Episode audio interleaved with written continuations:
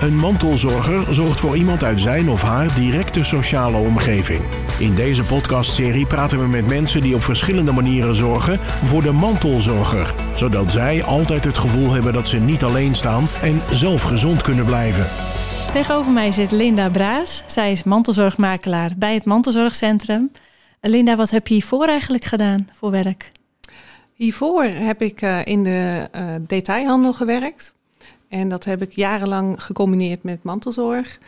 En hierdoor heb ik zoveel um, ervaring opgedaan eigenlijk dat ik uh, anderen daarvoor wilde behoeden. En waarvoor wilde je anderen behoeden dan? Uh, voornamelijk um, de um, moeizame weg die je soms als mantelzorger moet uh, onderzoeken om hulp te krijgen als je dat nodig hebt. Wat voor hulp had jij dan nodig? Uh, wij zochten vooral uh, de juiste expertise en, uh, en ook de ondersteuning om ja, de zorg te verbeteren. Jij bent dus ook een werkende mantelzorger. Ja. Um, wat is nou de grootste uitdaging voor de werkende mantelzorgers? dan spreek ik niet alleen voor mezelf, maar ik denk dat voor de meeste werkende mantelzorgers de balans tussen de thuissituatie en het werk, dat die soms heel moeilijk uh, goed in balans te houden is. En wat, wat is daar moeilijk aan dan? Uh, de meeste mantelzorgers die um, zijn heel loyaal. En die loyaliteit die uh, zit zowel op het thuisfront als op het werk. En op het moment dat je dus je moet focussen op het ene gebied, dan lukt het wel eens niet om dat ook uh, op dezelfde niveau te houden op het andere gebied. Waardoor je eigenlijk altijd met een soort schuldgevoel blijft zitten. Kun je, kun je daar wat meer over vertellen? Wat, wat zijn dan precies die gebieden die, die je noemt? Um, nou, dat kan op het gebied zijn uh, van um, de inzet van uh, je betrokkenheid. Um, in de zin van dat, dat je thuis niet aanwezig bent op het moment dat je er had moeten zijn. Omdat je op dat moment op je werk bent. Uh, het kan ook zijn dat je juist op je werk uh, je niet goed kan focussen, omdat je met je gedachten juist bij thuis zit. En dat zorgt er gewoon vaak voor dat, dat de dingen door elkaar gaan lopen en dat je dan niet presteert zoals je zou willen. En zijn er ook oplossingen voor? Wat, wat kan je daartegen doen? Om die balans toch, om, om die balans tussen werk en privé dan uh, nou ja, meer in balans te krijgen? Nou, het helpt om er in ieder geval in eerste instantie bij stil te staan dat je in deze situatie zit. Uh, en uh, voor jezelf een beetje op een rij te zetten. Uh, wat zijn mijn taken thuis? en wat zijn mijn taken op het werk? En lukt het mij om dat allemaal uit te voeren? En als dat niet zo is, wat is daar dan voor nodig om wel te zorgen dat het goed gaat? En wat kan daarvoor nodig zijn? Kan je dat uitleggen? daarvoor kan het nodig zijn dat je je zorgen deelt uh, met bijvoorbeeld iemand op je werk. Om uh, iemand mee te laten denken over de situatie. Misschien kijk jij er wel heel anders tegenaan als dat ze het op het werk ervaren. Uh, het kan ook helpend zijn om aan te geven dat het op dit moment tijdelijk anders zou moeten op je werk. En of daar dan mogelijkheden voor zijn. En als je dat um, als je dat op die manier op je werk naar voren wil brengen, dan is het heel belangrijk om uh, niet alleen iets te gaan vragen, maar dat je er van tevoren al uh, over hebt nagedacht en dat je ook uh, kan aangeven wat je wel kan doen op je werk. Dus misschien kan je wel alleen al door een andere tijdsindeling je werk prima volhouden. En dan heb je dus eigenlijk een, eh, een hele tevreden werkgever. En jij hebt zelf ook een gevoel van succes. Dus je vraagt niet zozeer om aanpassingen als minder werken of minder verantwoording, maar juist om mee te denken om het anders in te vullen. Als ik dat zou horen, dan, dan zou ik denken: um, iedereen vertelt het wel hè, dat die, dat die mantelzorger is, want je hebt er eigenlijk alleen maar voordelen van.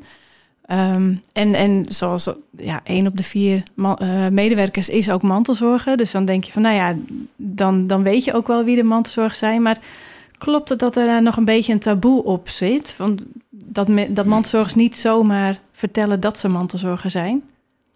Uh, dat klopt. En er zijn ook meerdere redenen voor om het niet te vertellen. Ehm, er zijn heel veel mensen die bang zijn dat ze eventueel hun baan kwijtraken als ze het eenmaal verteld hebben.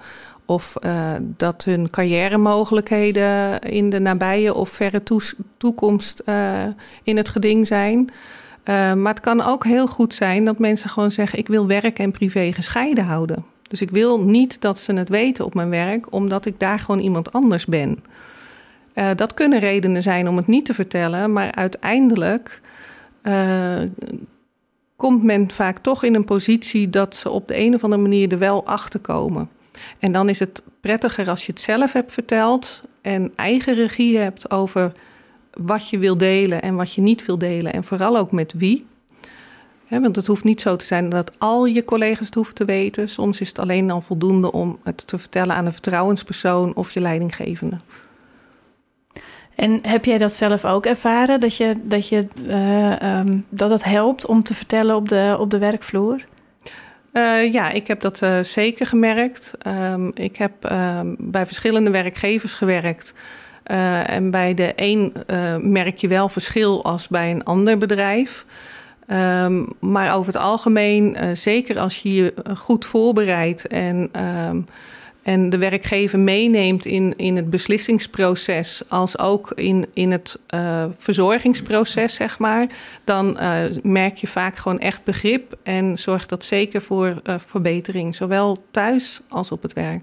En, en waar bestaat die voorbereiding dan uit? Um, nou, in eerste instantie om na te denken over waar je tegenaan loopt. Want als je dat duidelijk in beeld hebt, dan kun je ook aangeven wat er dan zou moeten veranderen eventueel. Um, en uh, het is ook belangrijk om um, de werkgever uh, ook een beslissende rol te laten geven. Uh, dus dat je niet alleen maar nadenkt over een invulling zoals jij die hebt bedacht, dat dat de enige oplossing is. Maar dat er vanuit een werkgever ook op een neutrale manier kan worden gekeken dat er nog andere oplossingen zijn. En als je die allemaal in beeld kunt brengen in een, in een gesprek, dan uh, kom je vaak tot hele verrassende, prettige uh, nieuwe oplossingen. En kun je daar ook een voorbeeld van noemen, van zo'n verrassende oplossing? Um, ja, ik heb een, uh, een mantelzorger geholpen die ehm, heeft aangegeven dat ze minder wilde gaan werken omdat ze de zorg anders thuis niet zou volhouden. En ze kwam bij mij om eigenlijk uh, te vragen hoe ze dat gesprek dan moest gaan inleiden. En uh, of er dan een andere mogelijkheid was om het inkomen aan te vullen. En uh, toen hebben we in eerste instantie besproken wat de gevolgen zijn als zij minder zou werken. Omdat op het moment dat zij minder gaat werken, is ze dus meer thuis. en isoleert ze zichzelf ook weer meer van de, de maatschappij en, en haar werk, wat ze voorheen altijd met plezier deed. Um, je bouwt dan natuurlijk ook minder uh, pensioen op. Uh, er zijn gevolgen voor je vakantiedagen en dergelijke. En, um, en het is dan ook heel belangrijk om te weten of het een tijdelijke situatie is qua zorg, of dat het een hele lange termijn zal zijn. En in het vervolg hebben we ook gekeken of dit echt haar behoefte was. Of dat dit haar oplossing was omdat ze geen andere oplossing zag. En uh, toen we dat eenmaal uh, duidelijk in beeld hadden gebracht, uh, eigenlijk door middel van een soort schema, toen kwam ze er eigenlijk achter dat, dat haar behoefte eigenlijk veel meer was om juist hetzelfde te blijven werken, misschien zelfs wel meer, als iemand anders die zorg kon overnemen. En, uh, en toen hebben we dat meegenomen in het gesprek bij de werkgever. En toen is de werkgever ook mee gaan kijken wat, uh, wat hij kon aanbieden om haar het werk gewoon te kunnen laten voortzetten. En dat is gelukt. Wat mooi, ja. ja. En je noemt ook hè, dat, dat plezier in het werk. Is, is dat ook het belangrijkste voor mantelzorgers? Dat ze, dat ze blijven werken naast hun uh, mantelzorgtaken? Uh, ik durf niet voor iedereen te spreken of dat het belangrijkste is. Maar het is wel een, een heel belangrijk uh, aspect van het werk. Dus uh, de meeste mensen denken in eerste instantie aan inkomen. Alleen als je dan echt met mantelzorgers spreekt, dan merk je dat de sociale contacten, hun persoonlijke ontwikkeling en het even weg zijn van de zorg thuis eigenlijk um, belangrijkere argumenten zijn als het inkomen.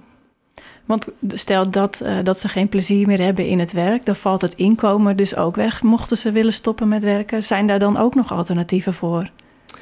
Um, er zijn wel wat alternatieven, maar dat is zeker niet de eerste goede oplossing die we bedenken kunnen. Uh, voordat je überhaupt gaat denken aan stoppen met werken, uh, kunnen we ook eerst nog een keer kijken naar wat de mogelijkheden zijn binnen je werk. Uh, er zijn bepaalde verlofregelingen bijvoorbeeld, uh, die wettelijk vastgelegd zijn en die soms uitgebreid ook in het CAO beschreven staan, waar je gebruik van kunt maken. En dat kan heel helpend zijn om deze periode te overbruggen. En dan denk ik bijvoorbeeld aan calamiteitenverlof. Dat is een kortdurend verlof die ad hoc ontstaat. Dus die is niet gepland en uh, is meestal maar kortdurend. Dat is bijvoorbeeld als je met je moeder naar het ziekenhuis moet, ik noem maar wat. Ja, je moeder is gevallen, je, je wordt nu gebeld, je moet daar nu heen. Dan, uh, dan kun je weg van je werk om uh, met die calamiteitenverlof de eerst, eerste zorg te regelen. En daarna is het de bedoeling dat jij dus weer zo snel mogelijk terugkeert naar werk en dat je daarmee verder kan gaan. En wat voor verlof heb je dan nog meer? Uh, je hebt ook uh, kortdurend zorgverlof. Um, dat is een uh, verlofregeling waarin je twee keer het aantal uren um, wat je normaal gesproken werkt mag inzetten in een periode van 12 maanden. En, en dat hoeft niet aansluitend te zijn. Dus het kan steeds zo zijn dat je één dag of twee dagen vrij moet nemen. En als je dan in totaal bij wijze van spreken acht uur, acht uur vrij, of uh, acht dagen vrij mag nemen, dan uh, kun je dat verspreid over het jaar opnemen. En dat is dan bijvoorbeeld bedoeld om inderdaad een gepland onderzoek bijvoorbeeld bij te wonen. daarnaast heb je ook langdurig zorgverlof. Langdurig zorgverlof is niet betaald, dus het is een onbetaalde regeling, waarbij je zes keer het aantal werkuren per week mag opnemen in een periode van 12 maanden. En, uh, en dat is een regeling die je heel goed zou kunnen inzetten als je weet dat je gewoon een periode heel intensieve zorg moet leveren. Um, en dat je daarna gewoon je werk bijvoorbeeld weer kan oppakken. Nou is dit allemaal best specifieke informatie. Ik kan me voorstellen dat, dat mensen die hier naar luisteren, die zullen daar niet altijd van op de hoogte zijn. Hoe kom je erachter dat, dat, dat dit soort dingen bestaat als, als je mantelzorger bent? Um, nou ja, er bestaan natuurlijk tegenwoordig heel veel uh, internetwebsites waar je het kan vinden. Maar dan moet je er dus er eerst tijd voor hebben om daarnaar op zoek te gaan. Uh, je moet ook op dat moment uh, ervan bewust zijn dat je daarna moet zoeken. Dus dat is vaak heel lastig. Als je in een wat grotere organisatie werkt, dan is er vaak een personeelsafdeling. Die is ervan op de hoogte. Dus uh, als je nog niet met je werkgever of je leidinggevende wil praten en er is wel een personeelsafdeling, dan zou je ook kunnen vragen om een gesprek met hun en om met hun te kijken welke verlofregelingen er voor jouw bedrijf gelden. En je kan natuurlijk terecht bij het mantelzorgcentrum. En dat is een andere stap inderdaad, afhankelijk van of je het wel met je werk wil bespreken of dat je misschien in een organisatie zit waarbij je denkt dat dat er niet is. Een mantelzorgmakelaar of bij het mantelzorgcentrum uh, kun je zeker terecht voor al dit soort vragen. En als mantelzorgmakelaar ga je dan ook bijvoorbeeld uh, kijken naar zo'n voorbereidingsgesprek, hoe je dat, uh, hoe je dat kan oppakken met, uh, met de medewerker, met de mantelzorger? Ja, de, de mantelzorger is bij ons wel altijd in regie, dus ze mogen zelf bepalen wat, wat wij wel of niet meedenken, zeg maar. Uh, in eerste instantie geven we informatie en advies. En van daaruit kan het zijn dat er behoefte is aan het voorbereiden van het gesprek. En het kan zelfs zo zijn dat we meegaan naar het gesprek als daar behoefte voor is. En wat gebeurt er dan tijdens zo'n gesprek met, uh, met de werkgever? Uh, in eerste instantie uh, gaat de mantelzorger zelf in gesprek natuurlijk. Uh, en daarbij kunnen wij als makelaar aanvullend zijn om uh, op, op, een neutrale manier te vertellen hoe de situatie is en, uh, en wat het doel van dit gesprek is. En van daaruit uh, kunnen we dan in gesprek gaan om te kijken wat de mogelijkheden zijn. En ja, als we dan merken dat de werkgever welwillend is, dan verloopt het gesprek natuurlijk heel makkelijk. Als de werkgever nog niet zo goed ziet waarom die hieraan mee zou kunnen werken, dan kunnen we wel wat meer uitleg geven wat de voordelen voor de werkgever zijn. Wat zijn die voordelen? Ja, voor een, voor een werkgever um, is het heel belangrijk om te weten dat mantelzorgers um, heel loyaal zijn en heel veel verantwoordelijkheidsgevoel hebben over het algemeen. En dat zijn uh, waardes die van uh, groot belang zijn voor een werkgever. Uh, zowel in het moment zelf, maar vooral op de langere termijn. En op het moment dat je samen met je werknemer kunt kijken naar um, de manieren van invulling en als je daar flexibel mee om kan gaan, dan uh, heb je een hele loyale, betrokken werknemer voor uh, waarschijnlijk een hele lange periode. Dus het is voor mijn werknemers, werkgevers ook heel belangrijk om mantelzorgers uh, één te detecteren, zeg maar, te, te, te zien in een organisatie. En ten tweede ook om ze vast te houden. Is daar ook iets waar het uh, mantelzorgcentrum uh, bij kan ondersteunen? Ja, zeker. Uh, voor de werknemers die binnen onze regio woonachtig zijn, daar kunnen, die kunnen ze sowieso aansturen om met ons contact op te nemen. Een werkgever mag ook altijd zelf even contact met ons opnemen om te sparren en om de mogelijkheden te overleggen die, die er zijn. En welke mogelijkheden kan je daar een voorbeeld van noemen? Wat, wat, wat zou je een werkgever kunnen aanbieden om nou ja, zijn, zijn organisatie mantelzorgvriendelijk te maken? Um, daar, uh, daar zijn ook uh, landelijke organisaties voor. Dus wij kunnen ook uh, doorverwijzen naar bijvoorbeeld Werk en Mantelzorg. Dat is een website die speciaal voor werkgevers bedoeld is om ehm, op verschillende manieren te kijken hoe zij hun organisatie mantelzorgvriendelijk kunnen maken. En uh, waarbij het dus ook echt een voordeel voor de werkgever oplevert, maar vooral ook voor de uh, mantelzorgers zelf. En jij werkt natuurlijk bij het Mantelzorgcentrum. Um, wat merk jij van deze mantelzorgvriendelijke organisatie? Nou, het Mantelzorgcentrum is echt een hele mantelzorgvriendelijke organisatie, omdat we natuurlijk continu met mantelzorgers werken. En als je er dan zelf eentje bent, dan. Uh, uh, ja, dan, dan kun je het ook meteen toepassen wat je, wat je, je kan uh, bedenken, zeg maar. En de flexibiliteit en um, het vertrouwen wat ze, wat ze geven in. In jouw mogelijkheden en jouw kracht, uh, dat geeft zo'n ontzettende impuls om, uh, om nog harder je best te doen, maar ook die ontspanning te zoeken om het op langere termijn vol te houden. Dus wat jij de mantelzorgers meegeeft, dat pas je zelf ook toe en andersom. Zeker. En uh, ja, dat, het, het werkt heel erg goed om in gesprek met elkaar te blijven. En waarom werkt dat goed? Omdat uh, de situatie gedurende uh, de periode waarin je zorg verleent ook nog kan veranderen. Dus uh, ook al heb je dat eerste gesprek gehad en heb je een bepaalde nieuwe afspraak gemaakt, dan kan het toch zijn dat op termijn er behoefte is om daar toch weer een aanpassing in te doen.